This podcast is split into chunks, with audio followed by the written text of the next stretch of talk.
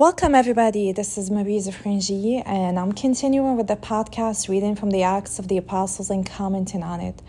The uh, podcast will be released every Friday in Arabic and English language now. There will be no more Arabic on Monday. And I will continue to read reading from the Catholic and New American Bible version.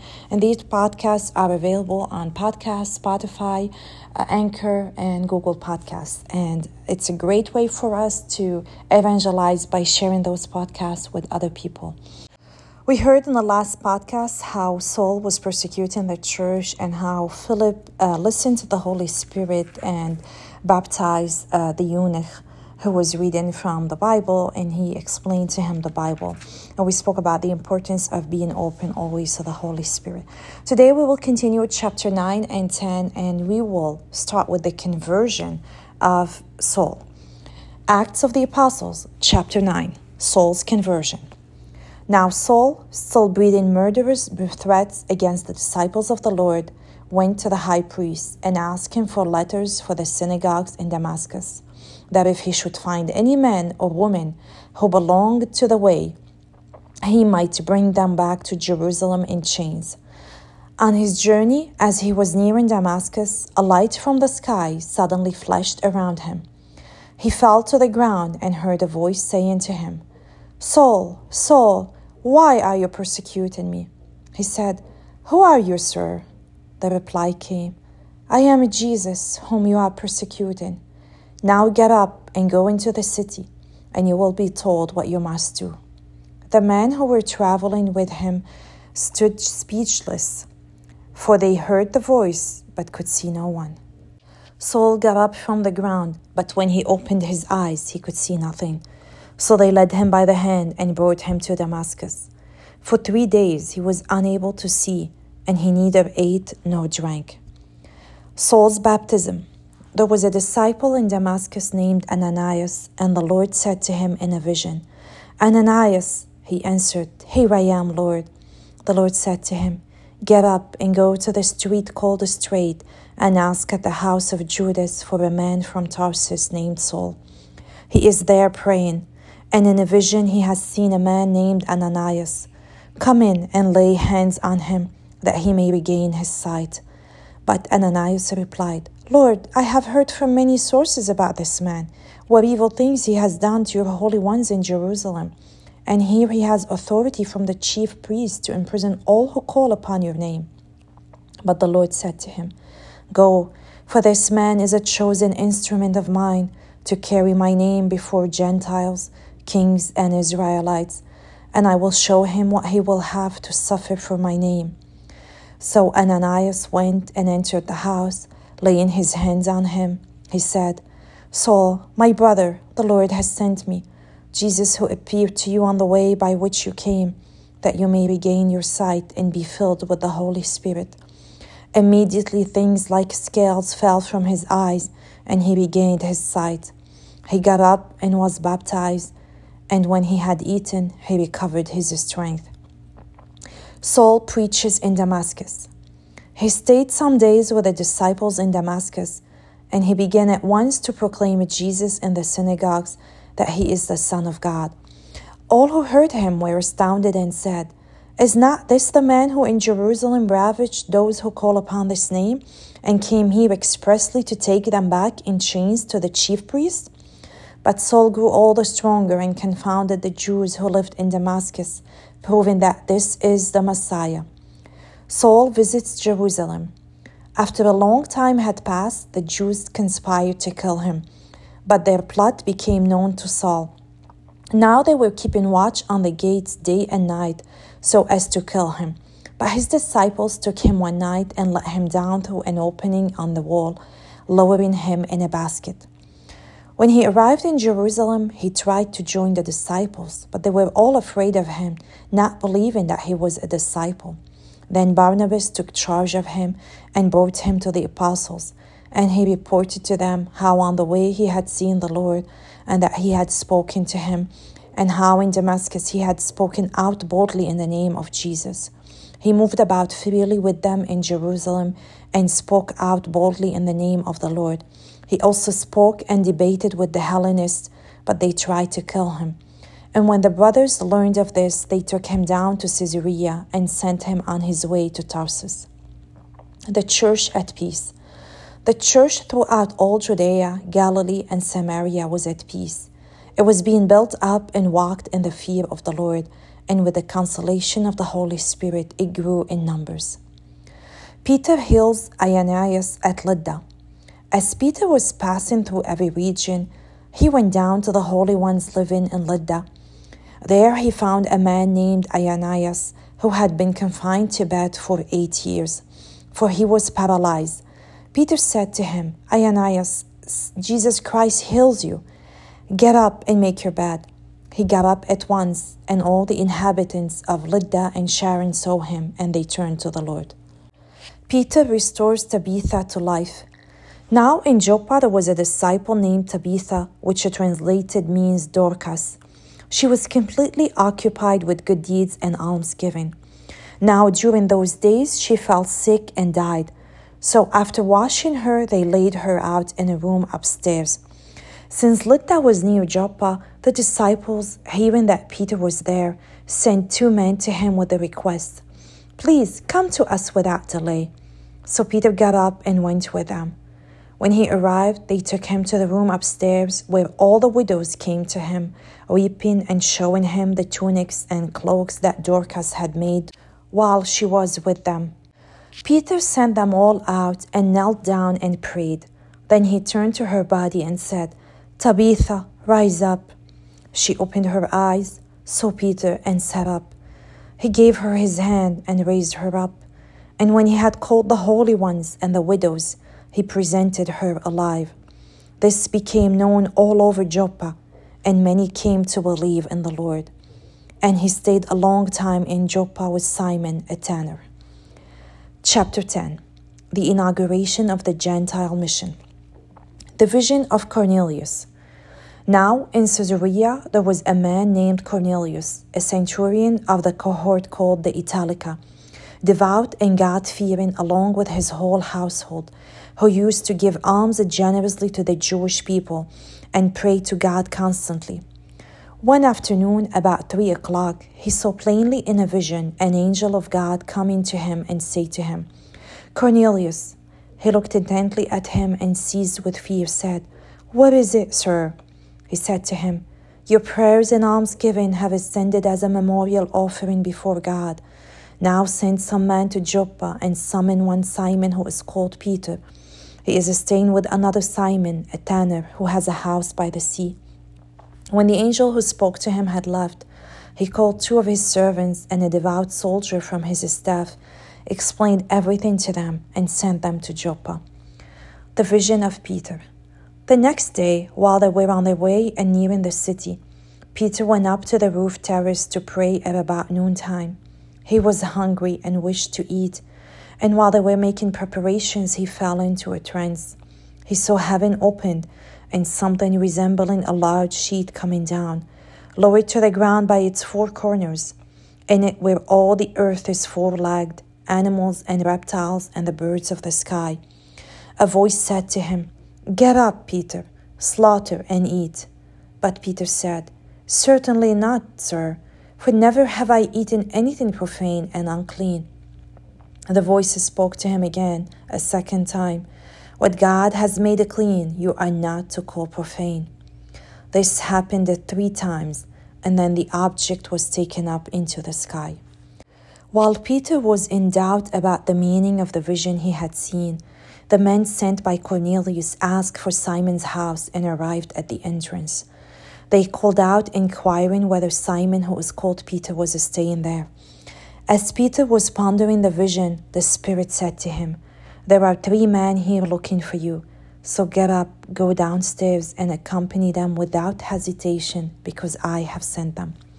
Then Peter went down to the men and said, I am the one you are looking for. What is the reason for your being here? They answered, Cornelius, a centurion, an upright and God fearing man, respected by the whole Jewish nation was directed by a holy angel to summon you to his house and to hear what you have to say. So he invited them and showed them hospitality. The next day, he got up and went with them. and some of the brothers from Joppa went with him. On the following day, he entered Caesarea. Cornelius was expecting them and had called together his relatives and closer friends. When Peter entered, Cornelius met him and, falling at his feet, paid him homage. Peter, however, raised him up, saying, Get up, I myself am also a human being. While he conversed with him, he went in and found many people gathered together and said to them, You know that it is unlawful for a Jewish man to associate with or visit a Gentile. But God has shown me that I should not call any person profane or unclean. And that is why I came without objection when sent for. May I ask then why you summoned me? Cornelius replied, Four days ago at this hour, three o'clock in the afternoon, I was at prayer in my house when suddenly a man in dazzling robes stood before me and said, Cornelius, your prayer has been heard, and your alms given remembered before God. Send therefore to Joppa and summon Simon, who is called Peter. He is a guest in the house of Simon, a tanner by the sea. So I went for you immediately, and you were kind enough to come. Now, therefore, we are all here in the presence of God to listen to all that you have been commended by the Lord. Peter's speech. Then Peter proceeded to speak and said, In truth, I see that God shows no partiality. Rather, in every nation, whoever fears him and acts uprightly is acceptable to him. You know the word that he sent to the Israelites as he proclaimed peace through Jesus Christ, who is Lord of all what has happened all over Judea, beginning in Galilee after the baptism that John preached, how God anointed Jesus of Nazareth with the Holy Spirit and power. He went about doing good and healing all those oppressed by the devil, for God was with him. We are witnesses of all that he did both in the country of the Jews and in Jerusalem. They put him to death by hanging him on a tree. This man God raised on the third day and granted that he be visible, not to all people, but to us, the witnesses chosen by God in advance, who ate and drank with him after he rose from the dead. He commissioned us to preach to the people and testify that he is the one appointed by God as a judge of the living and the dead. To him, all the prophets bear witness that everyone who believes in him will receive forgiveness of sins through his name the baptism of Cornelius. While Peter was still speaking these things, the Holy Spirit fell upon all who were listening to the word. The circumcised believers who had accompanied Peter were astounded that the gift of the Holy Spirit should have been poured out on the Gentiles also, for they could hear them speaking in tongues and glorifying God. Then Peter responded, can anyone withhold the water for baptizing these people who have received the Holy Spirit even as we have? He ordered them to be baptized in the name of Jesus Christ. Then they invited him to stay for a few days. In the name of the Father, and of the Son, and of the Holy Spirit, amen. We thank you, Lord, for not giving up on us. We thank you that you always find opportunities to bring us closer to you to transform us as long as we are willing to cooperate with your grace. There are so many people among us, Lord, who are like Sauls. We ask you, Lord, to knock them off their horses. We ask you, Lord, to transform them as you transformed Saul into Paul. We ask you also to give us the grace to be open to you, open to your Holy Spirit, so you can use us as an instrument to bring others closer to you. Amen. In the name of the Father, and of the Son, of the Holy Spirit. Amen. So, we heard today how Saul, on his way to Damascus, encountered the Lord Jesus himself. He had a vision, not just a vision, he actually saw Christ himself, who said to him, Saul, Saul, why are you persecuting? He did not tell him, Why are you persecuting the Christians or why are you persecuting the church?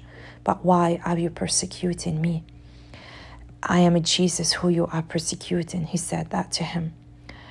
So, whenever we persecute people chosen by the Lord to do His work, whenever we reject them, we oppose them, we become an obstacle in their ministries, we are doing this to Jesus Himself. St. Paul allowed this encounter with the Lord to change him. He allowed the Lord to transform him. He acknowledged Christ, the Lord, acknowledged his own sinfulness and surrendered his life to the Lord and obeyed him and did what the Lord had asked of him. A true faith comes as a result of a personal encounter with the Lord Jesus, and it leads to a new life in Him. There has to be a moment in our life where we can look back and we can see how before that moment we were other. We were not the same we are today. We can look back and see the uh, before and the after and how after on this journey the Lord keeps working in us, chiseling everything in us that is not from Him to sanctify us and to bring us closer to Him. It's ongoing journey of conversion with the Lord, but we need to be always open to His grace, open to His Spirit working in our lives, so that we can let Him bring us into a deeper encounter with Him. We read also about Ananias who saw in a vision the Lord and told him to go to Saul. Ananias could not believe that this man, Saul, had become a Christian. So he was telling that to the Lord as if he's like uh, making sure that the Lord knows about whom he's talking. How many times do we tend to kind of forget that God is God and that we are not God?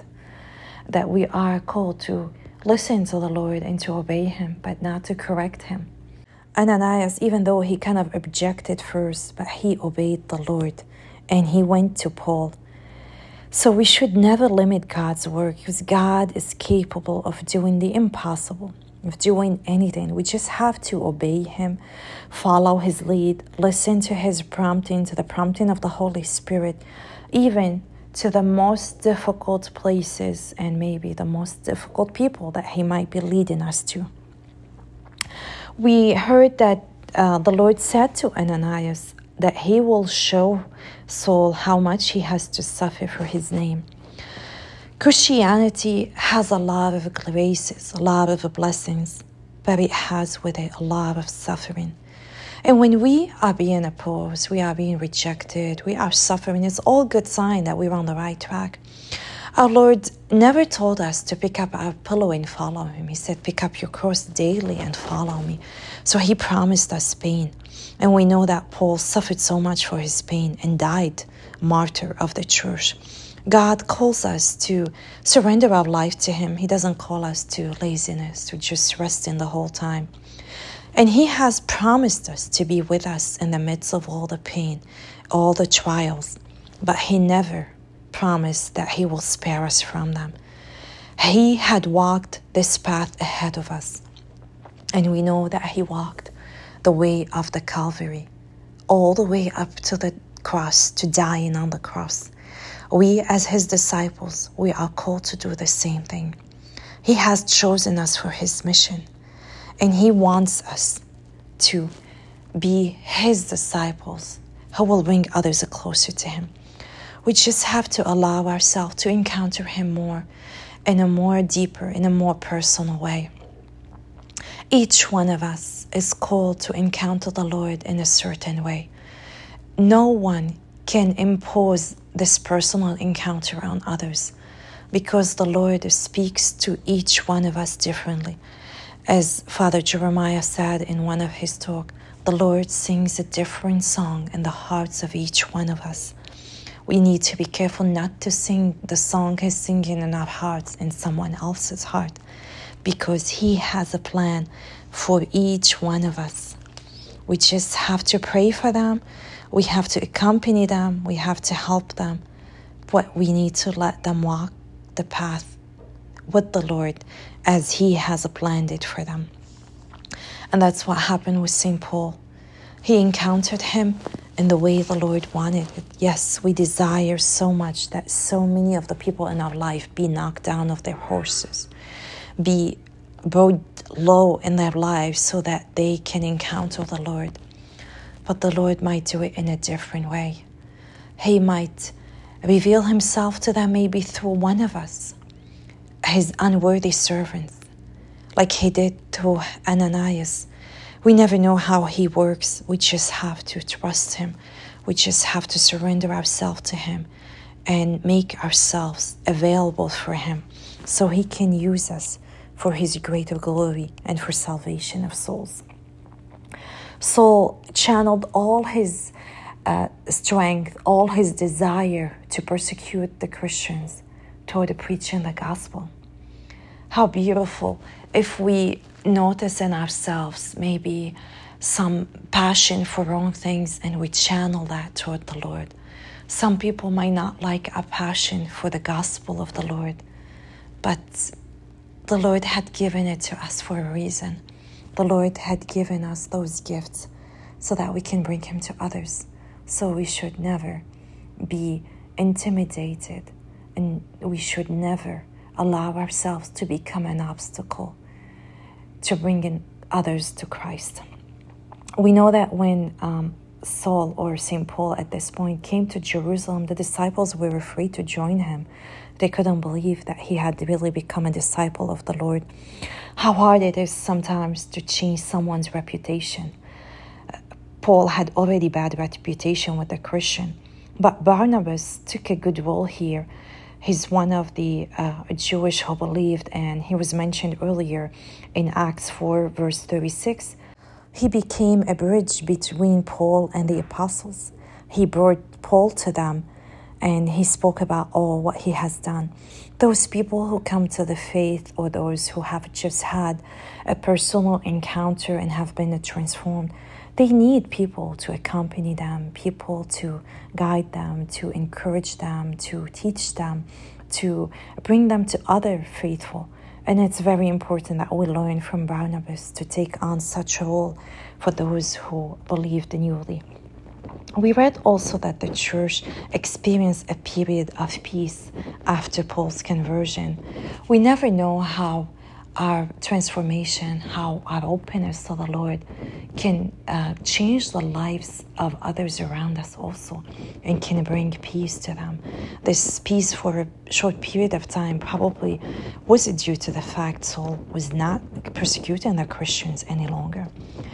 We heard later about St. Peter and how he um, restored a dead girl to life and how he went to Cornelius following the vision and the um, Holy Spirit request to go and talk to Cornelius.